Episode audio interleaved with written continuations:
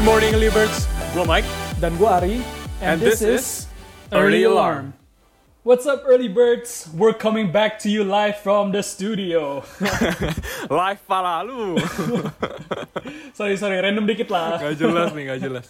Anyway, welcome ke episode 7 guys. Yes, sir. Di mana kita kali ini tuh mau bahas lebih dalam tentang gold ya, bro. Yoi. Tapi kali ini episodenya akan lumayan spesial lagi nih. Wits, kenapa tuh, bro? Karena hari ini kita ditemenin lagi sama another host dari dapur kita. Wih, let's go.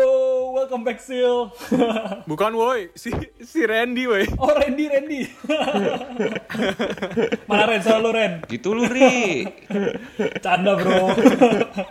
Buat untuk kali ini ya, gengs. Jadi si Randy tuh bakal bantu kita jelasin lebih dalam tentang gold ya, Ren. Yoi, halo halo. Mantap. Jadi Ren, coba tell our listeners, kita hari ini bakal bahas apa sih? Oke, di episode kali ini kita bakal jelasin menurut kita gimana sih eh, keadaan gold sekarang dan ke depannya gold itu juga bakal gimana. Yap, tapi mungkin pertama-tama sebelum kita lanjut, kita mau ingetin lagi ke Early Birds untuk dengerin dulu episode sebelumnya tentang history dari gold. Yep. Atau yang judulnya itu Tale of the Yellow Metal. Yes, Mike, supaya early birds juga bisa lebih familiar nih sama episode kita kali ini. Yap. Oke, mungkin without further ado, topik kita hari ini adalah old but gold. Oke, Mike, Ren, let's dive in. Oke, jadi seperti yang kita udah pernah bahas sebelumnya, gold itu kan punya sejarah yang panjang dan selalu dianggap sebagai dasar dari seluruh monetary system lah. Nah, iya, ini juga digambarkan di Exeter Pyramid yang diungkapkan sama John Exeter, Yap. di mana bentuknya itu tuh kayak inverted pyramid gitulah, atau piramid terbalik. Yap. Nah, di piramid itu terdapat beberapa level atau bagian. Nah, untuk di level paling bawah, itu ada emas. Yap. Lalu cash, disusul dengan bonds, both government and corporate. Lalu real estate, terus listed stocks, private business, dan paling terakhir itu derivatives. Buset dah, banyak bener bro levelnya. Ya mau gimana lagi, bro? Emang gitu. tapi tapi tapi don't worry guys. Soalnya kita udah post juga di Instagram supaya bisa dilihat juga secara visualnya. Yep, yep. Oke, jadi kalau early birds pada sadar nih ya, level-level yang Ari sebut itu itu basically menggambarkan tingkat keamanan suatu aset lah. Jadi kalau Yep. misalnya lebih bawah itu asetnya makin aman, kalau misalnya lebih atas asetnya itu ya makin beresiko. Yes. Yap. Selain itu, aset di bawahnya itu ibaratnya tuh kayak nopang aset yang di atasnya. Kalau misalnya kita lihat, emas itu kan berarti dasar dari segala aset ya. Jadi, ketika aset-aset yang di atas itu jatuh, orang-orang bakal lari ke tingkat yang bawahnya untuk nyari aset yang lebih aman. Which is yang ujung-ujungnya emas. Mhm. Alasan kenapa kita touch sedikit di sini adalah karena kalau kita lihat ya, sejarah yang terjadi selama ini, seperti yang udah di cover sebelumnya, ketika monetary system gagal, aset yang dipercaya oleh semua negara untuk menjadi tempat perlindungan atau safe haven adalah emas. Yep. Yes, dan poin yang kita mau tekani di sini adalah secara general point of view atau sebagian besar orang itu kan menganggap bahwa cash terutama USD ya atau US government bonds itu safe haven lah seperti Yep. gold. Tapi sebenarnya nggak sesimpel itu. Yoi, sebenarnya mindset ini tuh hanya karena status US sebagai World Reserve Currency, di mana currency ini tuh udah beredar di seluruh dunia dan banyak transaksi yang dilakuin pakai USD, True. even transaksi itu happen di luar US. Tapi ya, Ren, Mike, sebenarnya yang terjadi itu adalah gold compete lawan dolar untuk menjadi reserve currency atau ibaratnya duel lah, bro. Duel bro, UFC nih.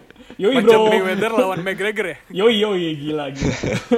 Tapi ada benernya juga sih. Soalnya kalau kita lihat ke belakang lagi ya, pas Presiden Nixon bilang USD itu lepas dari gold standard, itu dia tuh bilang bahwa ini tuh cuman temporary. Yap. Jadi sebenarnya true value dari gold itu adalah menjadi reserve asset dan juga jadi dasar dari seluruh currency yang ada di dunia. Yes, seperti yang dibilang JP Morgan himself ya, gold is real money, everything else is just a credit. Yes. Widih, yes. sekarang lu yang wise nih sekarang ya dia.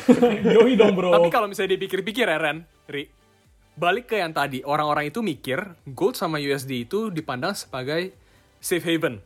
Karena nilai mereka tuh yang cenderung stabil atau bahkan mereka berdua bisa naik secara bersamaan terhadap currency lainnya. Yes. Tapi sebenarnya nggak sesimpel itu ya. Nah, iya, karena sekarang ini harga gold dunia itu kan diukur berdasarkan USD ya. Nah, kalau misalnya kita lihat nih, sekarang harga gold misalnya 1700-an. Misalnya dia naik harga goldnya jadi 1800-an lah. Nah, berarti bisa dibilang gold itu menguat terhadap USD atau sebaliknya juga USD itu melemah terhadap gold. Yep, yep. Nah, baik lagi dikit, purchasing power itu inti dari segala yang kita punya. Jadi kalau kita mau masukin konsep itu, secara logis, purchasing power dari gold itu menguat. Yes. Tapi pertanyaannya adalah, kenapa kok dolar sering dibilang safe haven? Kayak ya nggak jauh-jauh lah. Seringkali banyak orang yang bilang kalau ada duit lebih, tukerin aja ke dolar. Iya men, gue sering banget sih denger itu. Makanya di sini tuh kita mau coba untuk kasih new point of view buat mereka yang bisa dibilang masih high hope ke dolar lah. Yes bro, ada sih beberapa currency lain yang dianggap safe haven juga, kayak Swiss franc atau Japanese yen. Tapi selain kedua mata uang itu, USD dipandang sebagai mata uang yang paling aman dibanding currency lain. Nah, jadi sebenarnya balik lagi karena status reserve currency itu ya. Di mana central bank di negara-negara lain itu juga nyimpen USD sebagai reserve mereka. Yes, ditambah ya Mike ya, kayak yang udah kita bahas di episode 6 sebelumnya, ini semua tuh ada kaitannya juga dengan oil. Yep. Kayak misalnya nih Saudi Arabia sebagai salah satu negara penghasil oil terbesar, Yoi. mereka tuh udah ngikat dengan US bahwa oil itu hanya bisa dibeli dengan USD. Yes. Nah, jadinya negara-negara lain itu yang pegang USD, mereka bisa menggunakan USD tersebut untuk membeli oil ataupun mungkin membeli komoditi lainnya Yep. dan bahkan mereka juga bisa investasi di aset-aset US. Oke, make sense. Nah, kalau kita lihat sekarang-sekarang nih, US kan ngeprint duit mulu. Efeknya ke purchasing power itu akan menurun. Yang pernah kita juga cover di episode 5 sebelumnya. Yap, di mana seperti yang kita tahu sekarang kondisi ekonomi kan sekarang lagi lemah ya. Jadi produksi barang dan jasa itu akan menurun. Yap. Ujung-ujungnya jumlah yang tersedia akan turun juga. Nah, iya. Jadi kalau misalnya dolar itu di print terus-terusan, berarti kan duit yang beredar semakin banyak ya yang di sistem. Nah, otomatis duit yang makin banyak itu mengejar jumlah barang yang semakin dikit. Nah, inilah yang kita takutin bisa terjadi inflasi gila-gilaan atau hyperinflation. Gila ya bro, Yep. ngeri juga. Yoi. Tapi lanjut poin lu Ren. Inflasi gila-gilaan ini yang bakal terjadi nanti di ekonomi, menurut kita adalah puncak dari kegagalan Keynesian economy dengan modern monetary theory-nya atau MMT. Yes, di mana sebenarnya singkatnya MMT itu adalah pandangan bahwa government bisa print duit seenaknya Yes. lewat the Fed ya untuk stimulus ekonomi ataupun untuk penuhi spending yang mereka butuhin.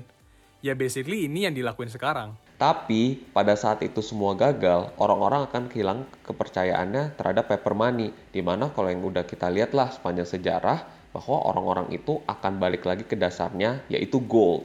Yap, karena kayak yang kita udah mention juga tadi di gold itu masih dipegang jadi aset central bank. Yep. Dan ditambah ya Ren, pas orang-orang hilang kepercayaan mereka di dolar, ujung-ujungnya semua fiat system bakal hancur. Yes. Betul. Karena sebenarnya balik lagi paper money itu kan cuma currency ya. Yang purchasing power itu makin lama makin lemah karena kejadian ini. Di mana lama-lama itu sering berjalannya waktu, orang-orang akan lose trust ke paper money-nya itu. Yes. Nah, untuk ngebalikin kepercayaan masyarakat itu ke monetary system, maka menurut opini kita, nggak ada cara lain lagi selain balik ke gold standard. Yep. Agreed. Nah, kenapa gold standard? Karena dengan itu ekonomi nggak bisa lagi yang namanya nipu pakai fake growth seperti bubble atau irresponsible spending. Yes. Ya, intinya purchasing power kita di dalam sistem itu akan tetap lebih stabil ya. Dan selaras sama pertumbuhan ekonomi. Yes. Ya, singgung balik sama episode kita sebelumnya, jadi akan ada balance and honesty lah. Yap, setuju. Nah, ujung-ujungnya dengan sistem gold standard ini, standard of living orang-orang over the long run basically juga akan naik lah. Yep. Well said, man. Nah, mungkin early birds mikir nih, gold mana cukup buat penuhin kebutuhan ekonomi sekarang. Soalnya kalau lu pikir, kan emas itu ibaratnya kayak barang langka lah ya, dan susah banget buat keluarin dari bumi. Tapi menurut kita itu pasti bisa. Karena jumlahnya udah pasti cukup. Yap. Tinggal balik lagi ke harganya doang. Nanti itu akan ada adjustment lah. Oke, oke. Betul bro, nah inilah kenapa kita dari sekarang udah ambil posisi di gold atau gold related asset ya Mike ya. Iya, man. Iya. Soalnya pas nanti gold standard itu diterapin, gold itu harus revalue sesuai dengan money supply yang sekarang. Di mana itu saat yang akan kita lihat the true strength and value dari gold. Yes, sebenarnya ini udah pernah kejadian juga di sebelumnya, yaitu di 1933 yang pernah kita mention juga ya. Pas gold itu di revalue sama Roosevelt ke 35 dolar. Yep. Dan kondisi saat ini itu lebih parah dari kondisi sebelum crash di 1929. Yes, yes. Gila ya Mike. Kalau dipikir-pikir seru juga ya. Iya, men. Tapi mungkin for now kita end di sini dulu kali. Oke, bungkus. Oke, closing dong, Ren. Iya bro, let's go man. Oke, oke, oke. Nah, jadi final take dari kita ya guys. Quote dari JP Morgan itu basically udah tells the whole story. Gold is the real money. Everything else is just a credit. Yep. Nah, basically dari kondisi yang kita lihat sekarang nih ya, kayak money supply naik gila-gilaan, bubble di mana-mana, infl- gara-gara begitu, inflasi udah tinggal tunggu tanggal mainnya lah buat masuk ke real ekonomi. Yep. Nah, kita akan ngulang sejarah lagi guys, Yep. which is kita akan balik ke sistem yang never change the economy, yaitu gold standard. Panjang banget ya. Tahu tuh. Oke, oke India bla bla bla gold standard. Yap, ya dikasih tutup malah keseruan bro. Iya, men. Lain kali jangan Randy yang tutup deh. Mumpung bro, mumpung muncul. Oh, mumpung, mumpung. Boleh, boleh.